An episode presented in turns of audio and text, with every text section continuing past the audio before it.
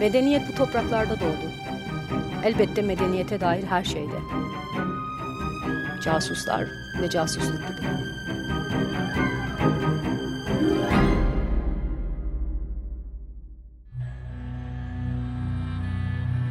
Orta Doğu'nun kaderini değiştiren casuslar ve casusluk faaliyetleri serisinin birinci bölümündeyiz. Hasan Sabbah, Kartalların erişemediği bir kalede, Alamut'ta yaşar. Zaten Alamut kelimesinin Farsça yazılışı Ebced hesabında Hicri 483 yılına karşılık gelir. Miladi olarak da 1090'a tekabül eder.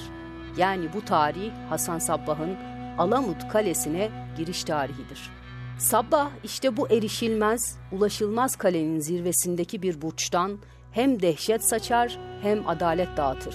En büyük düşmanı da dönemin Selçuklu Sultanı Alpaslan ve veziri Nizamül Mülk'tür.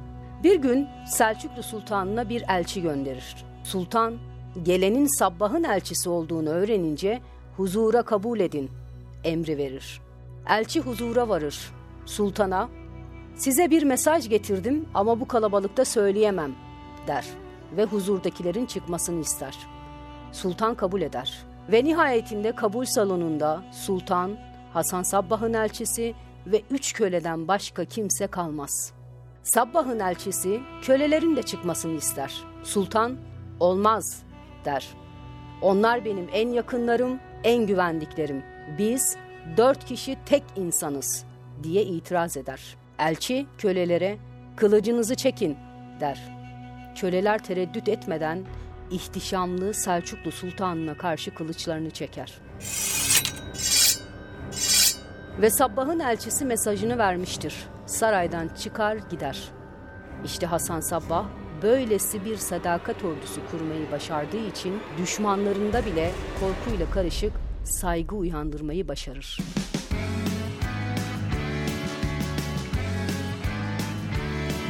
Kulağınız bizde olsun. Kısa Dalga Podcast. Hasan Sabbah bölgenin kaderini de yapısını da derinden etkiledi. Kurduğu istihbarat teşkilatı ile ölümünden sonra bile korku salmaya devam etti. Aslında Hasan Sabbah'a dair birçok hikaye var. En meşhuru ise Selçuklulara karşı isyan eden Sabbah'ın Alamut Kalesi'ne yerleştiğine dair hikaye. Bu hikayeye göre Sabbah kimselerin ulaşamadığı kalesinde bir dünya kurdu. Önce insanları eğitip mürit yaptı, ardından müritlerinden genç ve yetenekli olanları seçip suikastçı olarak yetiştirdi. En büyük düşmanı da Selçuklu Devleti'nin neredeyse sultandan bile güçlü veziri Nizamül Mülk'tü. Böylesi güçlü bir düşmana karşı suikast yaptırmak elbette kolay değildi. Hasan Sabbah çare olarak uyuşturucuyu kullanmaya karar verdi. Ancak bu da yetmezdi. Bu nedenle suikastçı olarak seçtiği gençleri kendisine bağlamak için sahte bir cennet yaratmaya girişti. Önce kaleye birbirinden güzel kızları getirip genç erkeklerin göremeyeceği bir bölümüne yerleştirdi. Burada tek kelimeyle hurileriyle birlikte bir cennet yarattı. Suikastçı olarak eğittiği gençlerin zihinlerini uyuşturucu ile bulandırdı. Ardından bu sahte cennete koydu. Kendilerini cennette bulan genç erkekler artık Hasan Sabbah için her şeyi yapmaya hazırdı. Peki Hasan Sabbah uyuşturucu, sahte cennet ve kanlı suikastlerden mi ibaretti? Ya da insanın aklına şöyle bir soru da geliyor. Ölümünden sonra bile suikastlerine devam eden Sabbah'ın fedaileri neredeyse 200 yıl boyunca aynı hikayeyle mi uyutuldu? Alamut'un Efendisi adlı kitabı roman üslubuyla kaleme alan Paul Amir'e göre Hasan Sabbah'ın bildiğimizden çok farklı bir hikayesi vardı. Sabbah her şeyden önce bir siyasi hedef ile yola çıkmıştı. Sabbah'ın ideolojisi, inançları, kurduğu yapı, hatta suikastler bile dönemin siyasi şartlarından bağımsız değildi. Gazeteci yazar Faik Bulut ise defalarca İran'a giderek yerinde araştırdığı Hasan Sabbah'ı ve hikayesini sınıf mücadelesi çerçevesinde kaleme aldı. Bulut'un Eşitlikçi Dervişan Cumhuriyetleri ve Hasan Sabbah adlı kitabında orijinal kaynaklardan derlenen verilerin ışığında bambaşka bir Hasan Sabbah ortaya çıkıyor. Evet, önce Paul Amir'in kaleminden Hasan Sabbah'ın hikayesiyle başlayalım. Paul Amir'e göre Hasan Sabbah iyi eğitimliydi. İsmaili mezhebine inandı. Alamut'un efendisi olduğunda 35 yaşındaydı. Hasan Sabbah ve adamlarının haşhaş çektikleri iddiası cahil tarihçilerin yanlış yorumlarından dolayı ortaya çıktı. O tarihlerde Alamut şehrinin hastanesi çok meşhurdu. İran'ın diğer şehirlerinden hastalar tedavi olmak için Alamut'a geliyorlardı ve yaklaşık miladi 12. yüzyılın ortasından itibaren Filistin'de ortaya çıkan Hristiyan keşişleri Müslümanlardan öğrendikleri bu ilaçları Avrupa'ya taşımaya başladılar. Bu ilaçlar arasında günümüzde yatıştırıcı ve ağrı kesici olarak kullanılan ilaçlar da vardı. Alamut civarındaki İsmaililer bu ilaçların hem ham maddelerini yetiştiriyordu hem de ticaretini yapıyordu.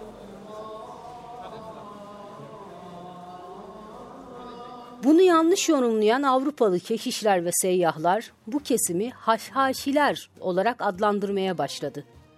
İslam dünyasındaki mezhepler arası çekişme ile birlikte zamanla haşhaşi kelimesi bütün İsmaililer için kullanılır oldu. İsmaililer İran'da geniş bir sahaya yayılmışlardı. İran'daki ve dışındaki İsmaili davetçiler her yerde zulüm görüyordu. Dai adı verilen bu davetçilerin bir kısmı canlı canlı yakıldı. Pol Amir'e göre gördükleri zulüm nedeniyle İsmaililer savaşmayı öğrendiler ve Mısır'ı ele geçirip Fatimi devletini kurdular.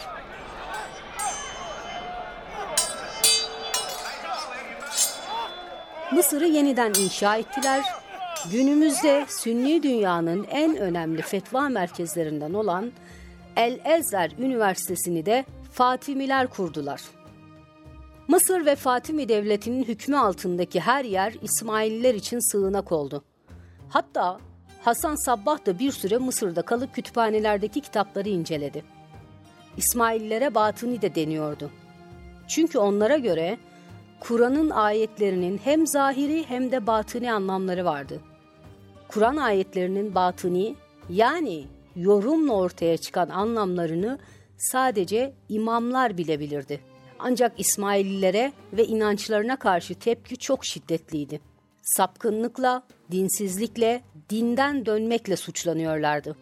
Mezhebin inananları çareyi imamlarının emriyle bulundukları yerlerde saklanmalarını sağlayacak şekilde takiye yapmakta buldular. Yani yaşadıkları yerlerde gerçek inançlarını gizliyorlardı. Hangi inanç hakimse ona inanıyormuş gibi görünüyorlardı.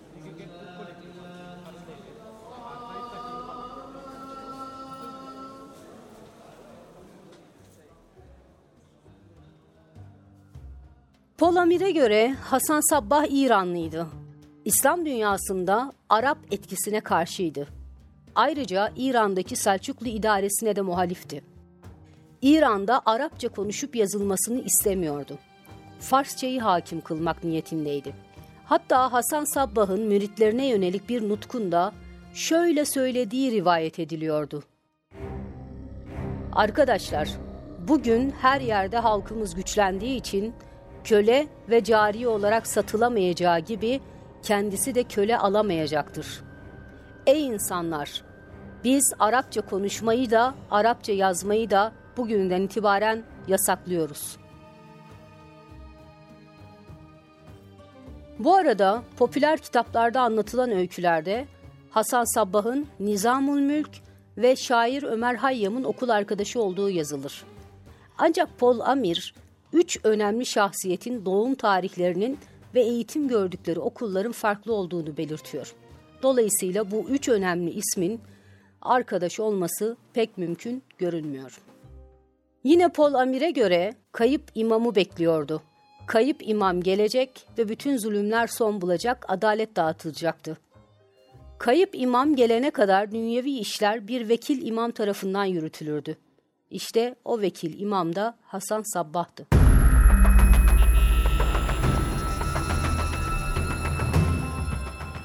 Mezhep içinde sadece üst düzey davetçilerin bildiği şifreler vardı. Mesela kıyamet kelimesi aslında Selçuklulara karşı isyanın şifresiydi. Ki imamın bu şifreyi bölgenin dört bir yanına dağılmış davetçilere vermesiyle birlikte Takiye'de sona erecekti. İsmaillerin hepsi inançlarını açıklayacaktı. Böylece hem Selçuklulara karşı hem de İslam dünyasındaki Arap egemenliğine karşı isyan başlayacaktı. Paul Amir'e göre Hasan Sabbah suikastler için yetiştirilen müritlerine asla uyuşturucu vermedi. Hasan Sabbah'ın ölümüne kadar da ya mezhebe karşı kıyım yapanlara ya da siyasi amaçlar için suikastler yapıldı. Hasan Sabbah'a dair bütün hikayelerde haşhaşiler kelimesinin İngilizceye assassins yani suikastçiler olarak geçtiği anlatılır.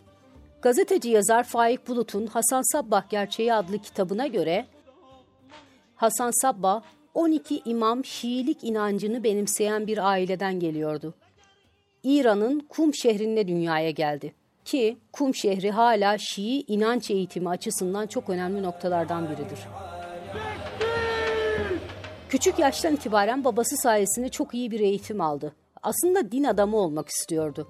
Ve Hasan Sabbah'ın kendi anlatımına göre 17 yaşındayken İsmaillerin davetçileriyle tanışmaya ve tartışmaya başladı. Yine kendi ifadesine göre İslam'a inancı tamdı. Allah'a, peygamberlere, imama, cennet ve cehenneme, helal ve harama inanıyordu. İsmaili davetçileriyle ilk tartışmaları çok sertti. İsmailleri İslami sınırları aşmış kitle olarak görüyordu. Zamanla görüşleri de değişmeye başladı ve nihayet mezhebe kabul edilmesini istedi. Burada akıllara şöyle bir soru gelebilir. Peki İsmaillik nedir? Nasıl ortaya çıktı? Faik Bulut'un kitabında yer verdiği çalışmalara göre İslamiyetle birlikte başlayan fetihler geniş coğrafyalara yayıldı. Bu coğrafyalarda Yahudi, Hristiyan ve Zerdüşt inançları, eski Mezopotamya ve Yunan uygarlığından devralınan miras vardı. Fetihlerin gerçekleştiği coğrafyalarda halklar bu mirası içselleştirip İslam alemine aktardılar. İsmaililik Abbasi devrinde kentleşmede yaşanan sosyal ve kültürel patlamanın bir neticesi olarak ortaya çıktı. Ülkeleri işgal edilmiş, eski düzenini yitirmiş köylü yığınları ile kentleşmeden uzak duran sayısız kabilenin çıkarları buluştu. Bu kesimlerle şehirli katmanlar arasında çelişkiler doğdu. Merkezlerden dışlandığını hisseden toplumsal kümeler ve genel anlamda halk yığınları rejim karşıtı hareketlere ilgi duyuyordu. İlk İsmaili hareketlerin kırsal kesimlerde ortaya çıkması elbette ki tesadüf değildi. Bu arada Arapça da Ortodoks İslam ile özdeşleşmişti. Yayılmacılığın resmi dili şeriatçiliğin tahakküm aracı haline getirildi. Din, hukuk, yönetim işlerinde Arap dili geçerliydi. Sünni ulema aynı zamanda bürokrasinin bir parçasını oluşturmuştu. İsmailler bütün bunlara gösterilen tepkilerden faydalandılar. Zamanla şehirlere de yayılarak Kuzey Afrika'dan Mısır ve Suriye'ye, Irak'tan İran'a, Yemen'den Hindistan'a kadar uzandılar. Ancak ezilen kitleler sayesinde Mısır'ı ele geçiren Fatımiler giderek hantallaştı, söylem veya fikri düzeyde bir şey üretemez hale geldi. Ezilen halkların duygularına hitap eden söylemleri vardı. Ancak bunun için pek bir şey yapmıyorlardı. Bu arada bir bilgi notu daha aktaralım. Hasan Sabbah'ın Mısır'a gittiği biliniyor. Hatta Fatime halifesi ile görüştüğü iddia edilir ancak bu doğru değil. Ayrıca Hasan Sabbah, Fatimilerin idaresindeki Mısır'dan sınır dışı edilmişti. Ancak sınır dışı edilmesinin sebebine dair net bir bilgi bulunmuyor. Hasan Sabbah yaklaşık 10 yıl davetçi olarak gezdi. Artık kafasındaki sistemi kurabileceği sabit ve sağlam bir merkeze ihtiyacı vardı. Elbruz dağlarının uzantısı olan Deylemistan bölgesinde karar kıldı. Arap fetihçiler burayı ele geçirememişti. Halkı görünüşte Müslüman olsa da Arapça bilmiyordu. Yerli halk büyük bir direnişçi potansiyeli taşıyordu. Ancak Alamut Kalesi Mehdi adlı bir yerel beyin elindeydi. Sabah buraya davetçiler, propagandacılar göndererek önce kale etrafındaki halk arasında örgütlendi. Ardından sıra kale içindeki askerlere geldi. Derler ki, bir gün Hasan Sabbah tek başına kalenin zirvesindeki beyin köşküne çıktı. Kalebeyi Mehdi'ye burayı bize bırakıp terk et dedi. Bey bu talep karşısında sinirlendi ve adamlarına seslendi. Ancak en yakınındaki adamları bile taraf değiştireli çok olmuştu. Alamut Kalesi etrafı dipsiz uçurumlarla çevrili bir yerde kurulmuştu. Kaleye tek yol vardı ve o da 2000 basamaktan oluşan bir merdivendi. 4 Eylül 1090'da Hasan Sabbah'ın Alamut Kalesi'ni ele geçirmesiyle birlikte İran'da ilk İsmaili Beyliği kurulmuş oldu. Sabbah, kalenin önceki sahibinin köşkünü kütüphaneye çevirdi. Rivayete göre hayatı boyunca o köşkten sadece iki kez çıktı. Kalenin içini envai çeşit bitki ve meyve ağacı ile donattırdı. Kayaları deldirerek su kanalları açılmasını sağladı. Uzun kuşatma dönemlerini göz önüne alarak yiyecek depoları kurdurdu. Hasan Sabbah kalede münzevi bir hayat sürüyordu. Ailesi dahil kalede yaşayan herkese içki içmek, çalgı aletleri, eğlence yasaklanmıştı. Hatta oğlu Muhammed'i içki içtiği gerekçesiyle infaz ettirdi. Ancak oğlunun içki içmediği infazdan sonra ortaya çıktı. Hasan Sabbah eşini ve kızlarını kale yakınlarındaki köylerde tarlalarda çalışmaya gönderdi. Geometri, matematik, astronomi, kimya, sihirbazlık gibi ilimlere vakıftı. Ancak Alamut ne kadar güçlü olursa olsun tek başına saldırılara dayanamazdı. Bu nedenle Alamut'u çevreleyen 40-50 kadar kale zamanla ele geçirildi. Kalelerin etrafındaki köyler de örgütlendi. Milis kuvvetler oluşturuldu. Alamut Kalesi'nde ve bölgesinde huzur içinde yaşamanın öncelikli şartı merkezi devletin kalbine dehşet saçmaktı. Bunun için de gerekli iki şey vardı. Biri örgütlenmeydi, diğeri de ideoloji. Ve uzmanlara göre Hasan Sabbah ikisini de başarıyla yürüttüğü için neredeyse bin yıldır adı unutulmadı. Hasan Sabbah'ın başını çektiği nizariler peygambere inanıyorlardı. Ancak onlara göre her peygamberin şeriatı ölümüyle sona ererdi. İmamın ortaya çıkması ile birlikte Muhammed peygamberin şeriatı da ortadan kalkardı. İmamı ise şöyle tanımlıyorlardı. İmam bedenen fani bir insana benzer. Fakat onun ilahi tabiatı kesinlikle bilinemez. Onun sözü Allah kelamıdır. İmamın yokluğunda davayı vekili yürütür. Faik Bulut'un kitabına göre Hasan Sabbah müritlerine esasiyun diye seslenirdi. Yani kurallara, ilkelere sadık olanlar. Günümüzde hala suikastçı anlamına gelen assassins kelimesi esasiyun kelimesinin bozulmuş haliydi. Peki, onca Hasan Sabbah hikayesi nasıl ortaya çıktı? Bulut'a göre İsmaili mezhebine yönelik İslam dünyasında karalama amaçlı çok sayıda efsane anlatılıyordu.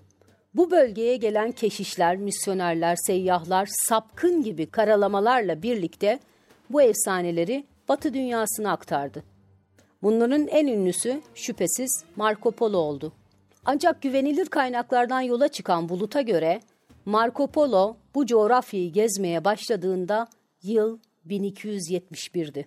Hülagü Han komutasındaki Moğollar Alamut'u 1256'da yani yıllar önce yerle bir etmişti. Marco Polo'nun anlattığı hurileri, sahte cenneti hatta Alamut kalelerini görmüş olması bile mümkün değildi. Ve yine Faik Bulut'a göre İsmaillilerin Haşhaşiler kavramıyla birlikte anılmasının tarihi Fatimi Devleti'ndeki iktidar kavgası ile başladı. Halifenin iki oğlu vardı. Tat sırası oğul Nizar'da iken Mustali bir saray darbesiyle tahta oturdu. Böylece İsmaililer Nizariyun ve Mustaliyun olarak ikiye bölündü. Hasan Sabbah Nizariyunlardandı. Yani Nizar'ın takipçilerinden biriydi.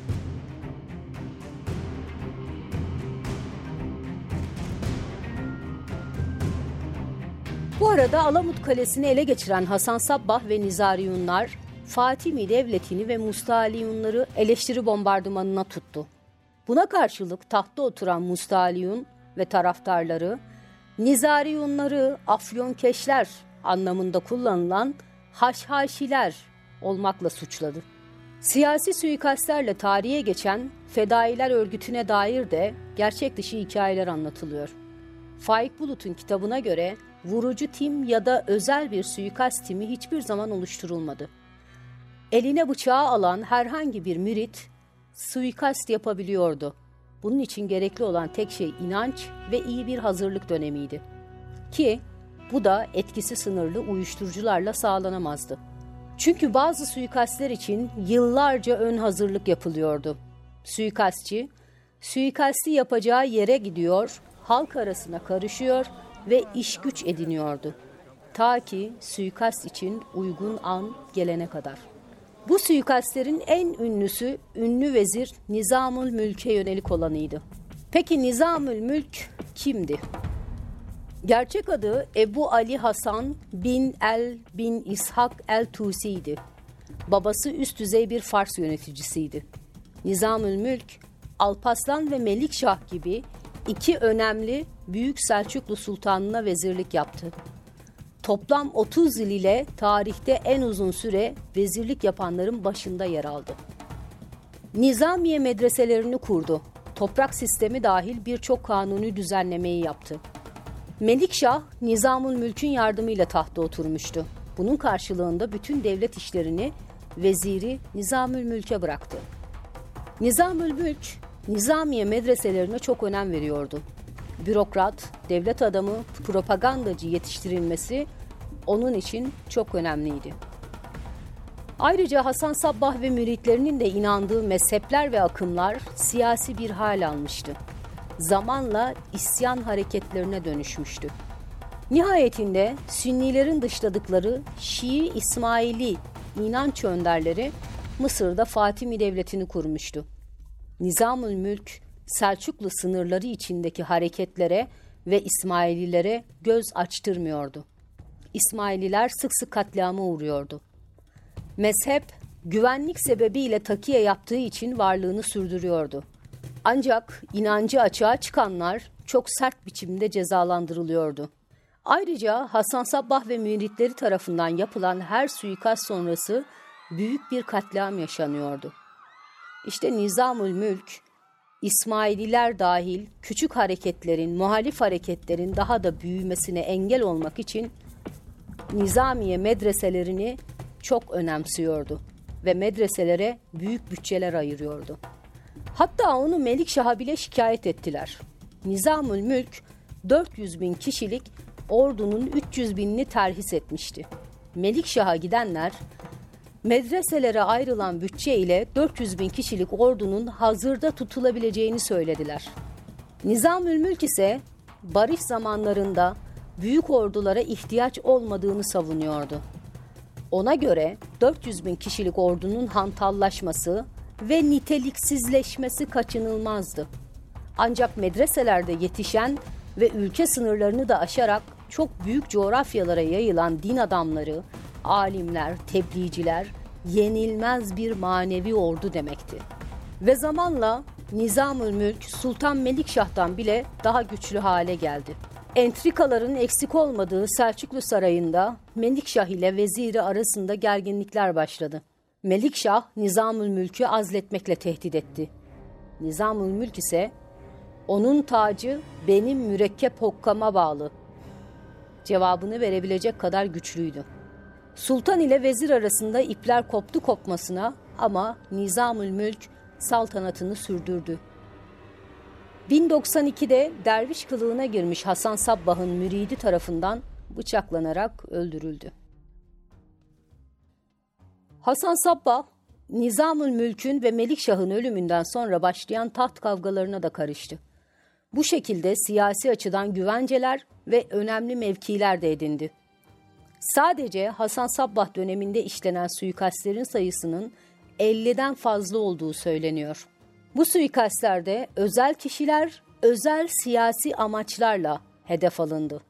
Devlet adamı, prens, bey, komutan, önde gelen dini şahsiyetler, valiler, yerel yöneticiler, velhasıl İsmailileri hedef alan herkes hedefti.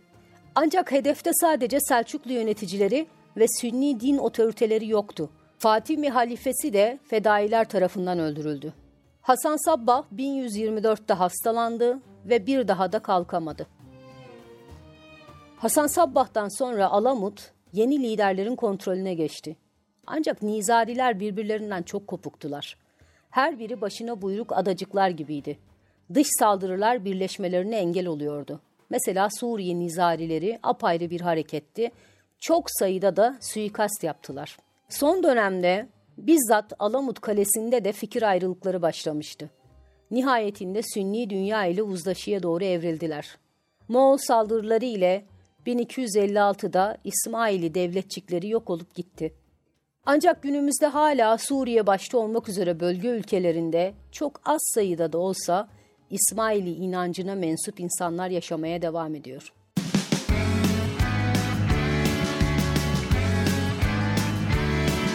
Kulağınız bizde olsun. Kısa Dalga Podcast.